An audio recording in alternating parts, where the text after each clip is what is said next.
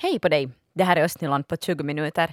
Idag får du höra om människor som väljer att fira stora fester trots att vi är mitt inne i coronapandemin.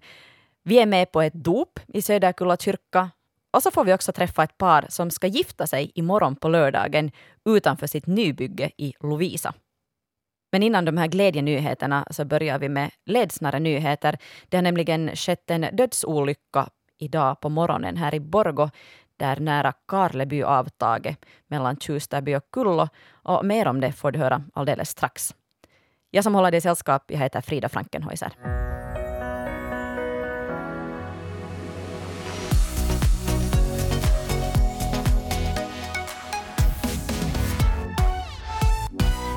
Idag på morgonen där eh, lite före sju så skedde det en dödsolycka på väg 170 i Borgo. Det var där vid Karleby gård på sträckan mellan Tjustärby avtaget och avtaget till Kullogård.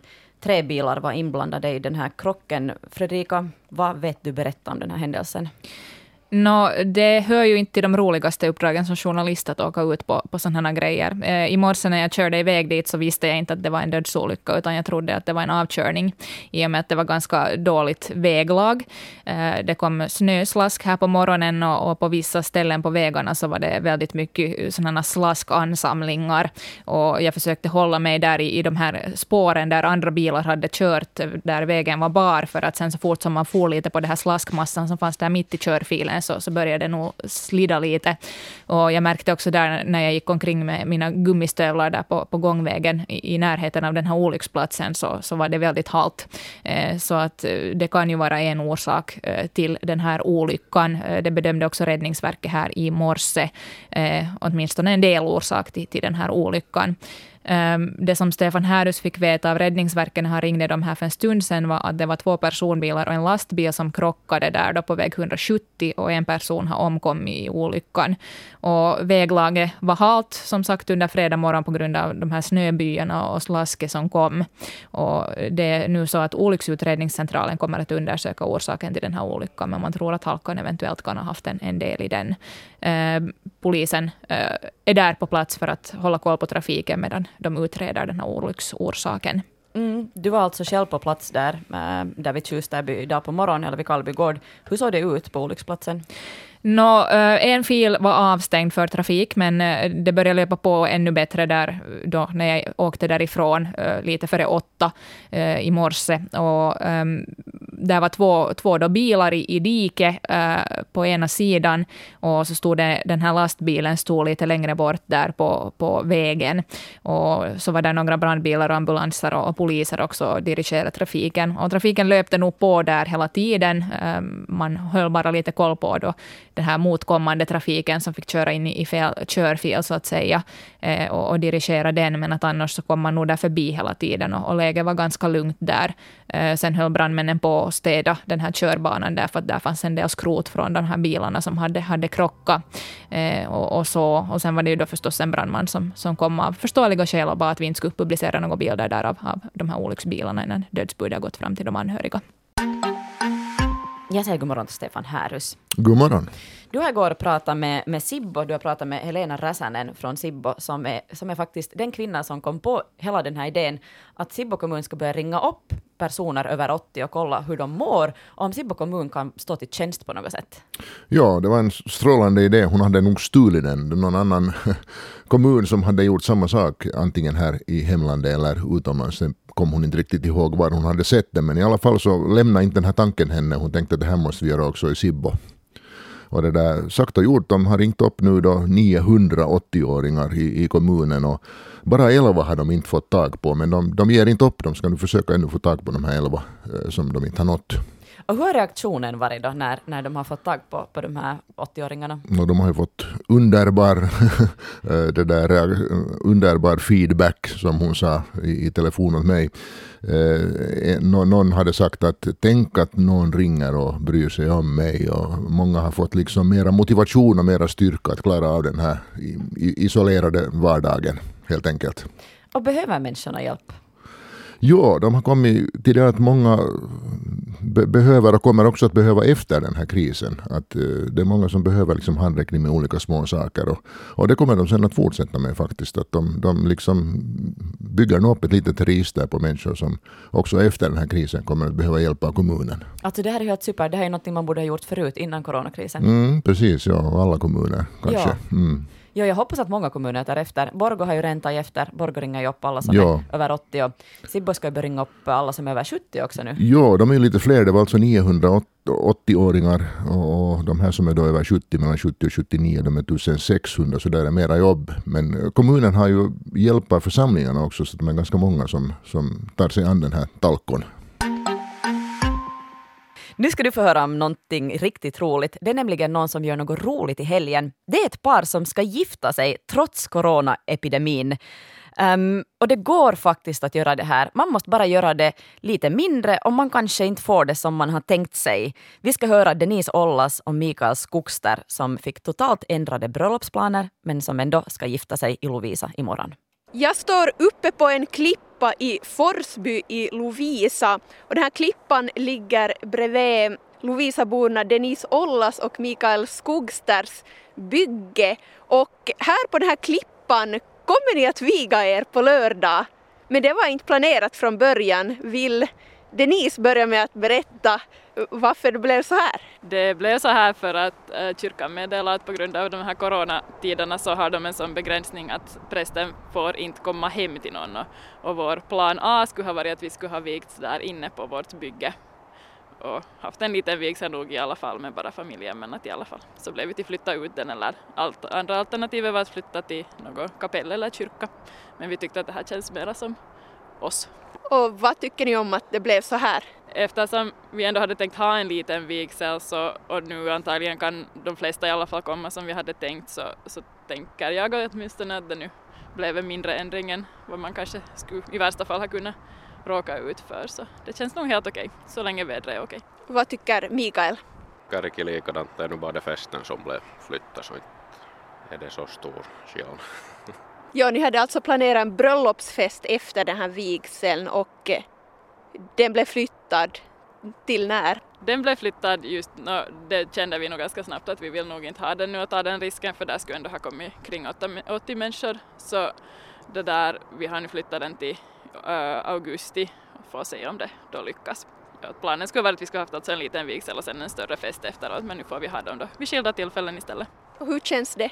På sitt sätt, eh, när vi nu har smält det så känns det nog också helt okej att helt, så har vi två roliga dagar istället för en så får se det från den ljusa sidan. Så nu på vigseln kommer, det, kommer då era familjer, släktingar att närvara.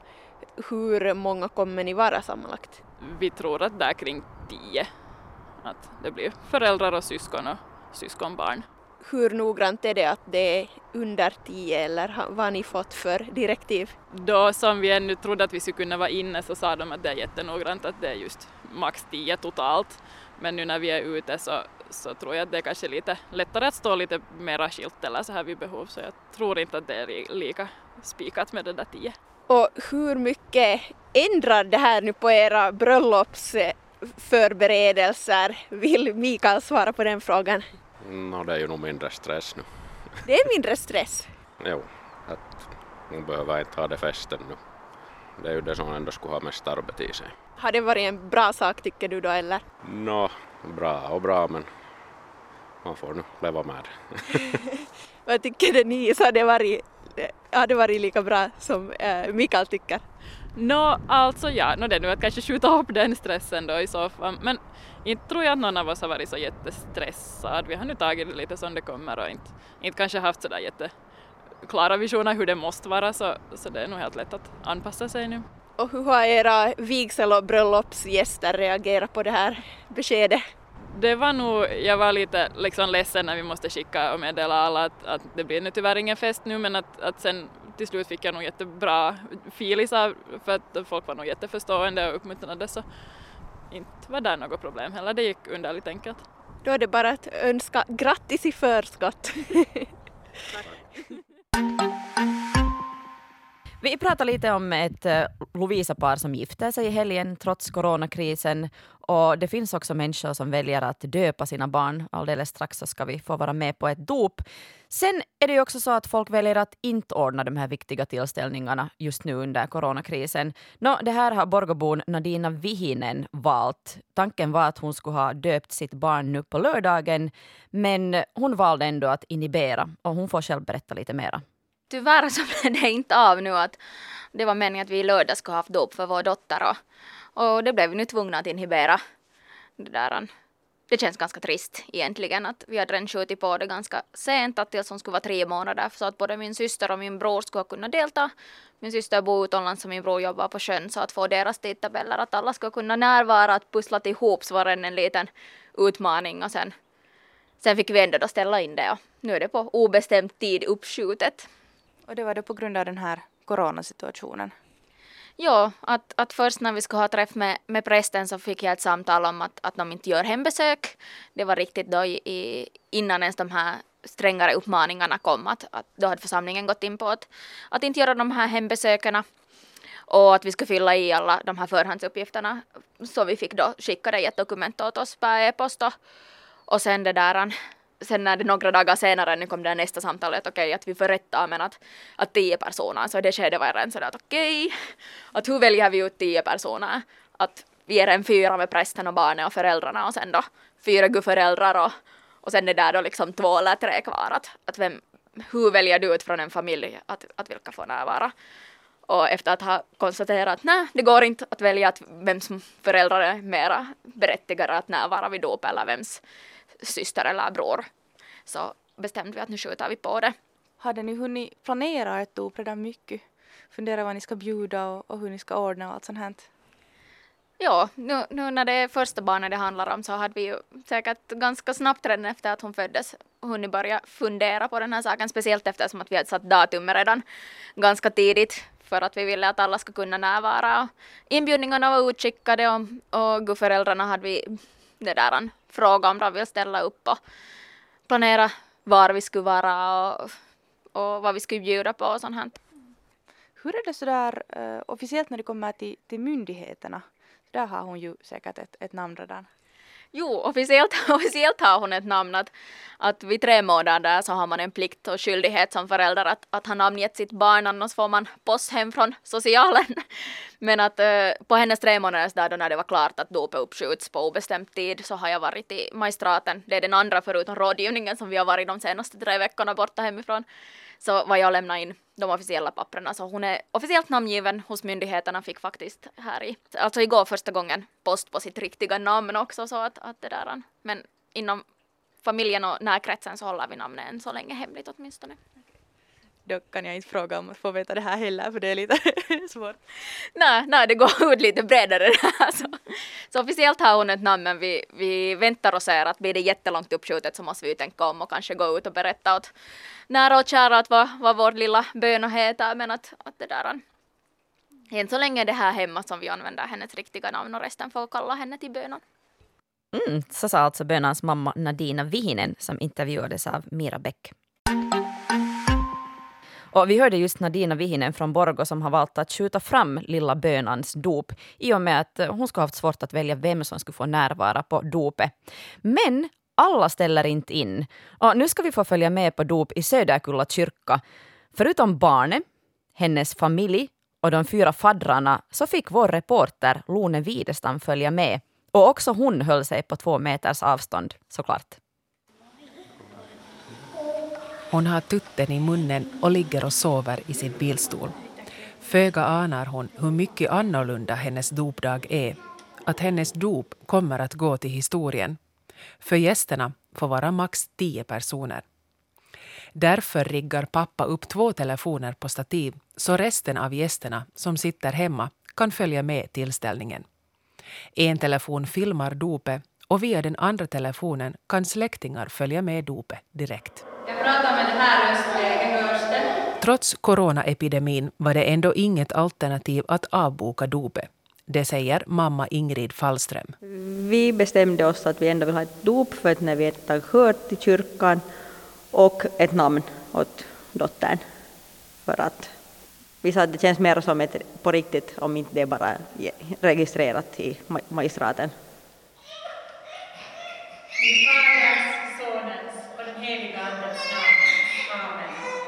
För Camilla Ekholm som är kyrkoherde i Sibbo svenska församling blev det här dopet lite annorlunda. Dels kändes det extra fint, för, för, för jag tror att just nu så, så behöver man ännu mera få känna trygghet, gemenskap, poängtera liksom kärleken. Så det kändes på något sätt extra bra. Sen märkte jag ju att, att jag innan dopet och under dopet funderade hemskt mycket på att hur gör vi det så säkert som möjligt. Speciellt för barnen, men för oss alla som tänkte på avstånd, tänkte på hur ska jag bete mig, hur nära kan jag vara, vad måste jag lämna bort, vad kan jag ha kvar? Dopsinbjudan skulle ursprungligen gå ut till 30 personer. Först måste personer i riskgrupperna lämnas bort. Till slut var kyrkans direktiv att max 10 personer får vara med på dopet. Det skilde sig ju nog ganska mycket så där med allt allt. Det var inte igångställande, behövde man ju inte fundera på. Och, och sen kändes det lite konstigt att ha en tom kyrksal framför sig. Men att omständigheterna är vad de är. Jag brukar ta barnen i famnen i ett skede av dopet, det kunde jag inte göra nu. Eh, vi brukar vara ganska nära när vi välsignar barnet direkt efter dopet. Nu stod vi alla på avstånd och, och höll bara handen, handen uppe från, från ett avstånd. När jag ritade korset på barnet så var jag mån om att ha avstånd. Att det var nog flera olika ställen där jag måste tänka att nu kan jag inte gå nära fast jag gärna skulle ha gjort det. Alane Helena, jag döper dig i Faderns Sonens och den helige Andens namn. Amen. Nu är hon döpt. Alane Helena Fallström.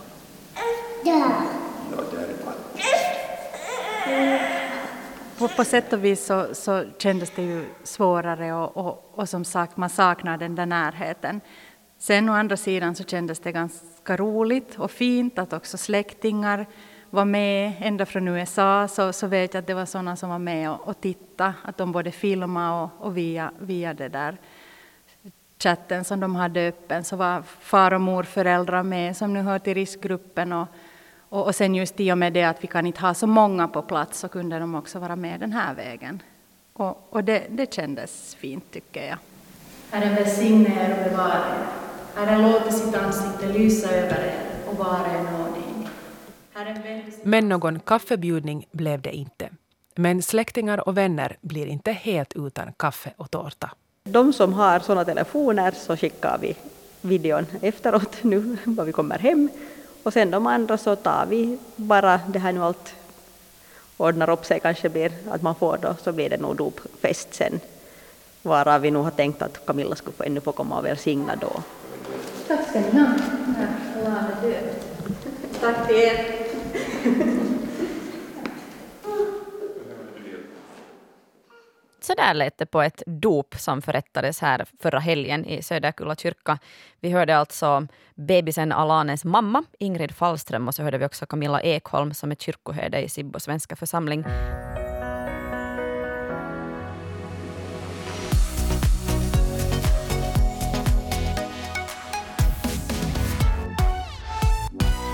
Och alltid då du behöver östnyländska nyheter så är det bara att gå in på svenska.yle.fi östnyland.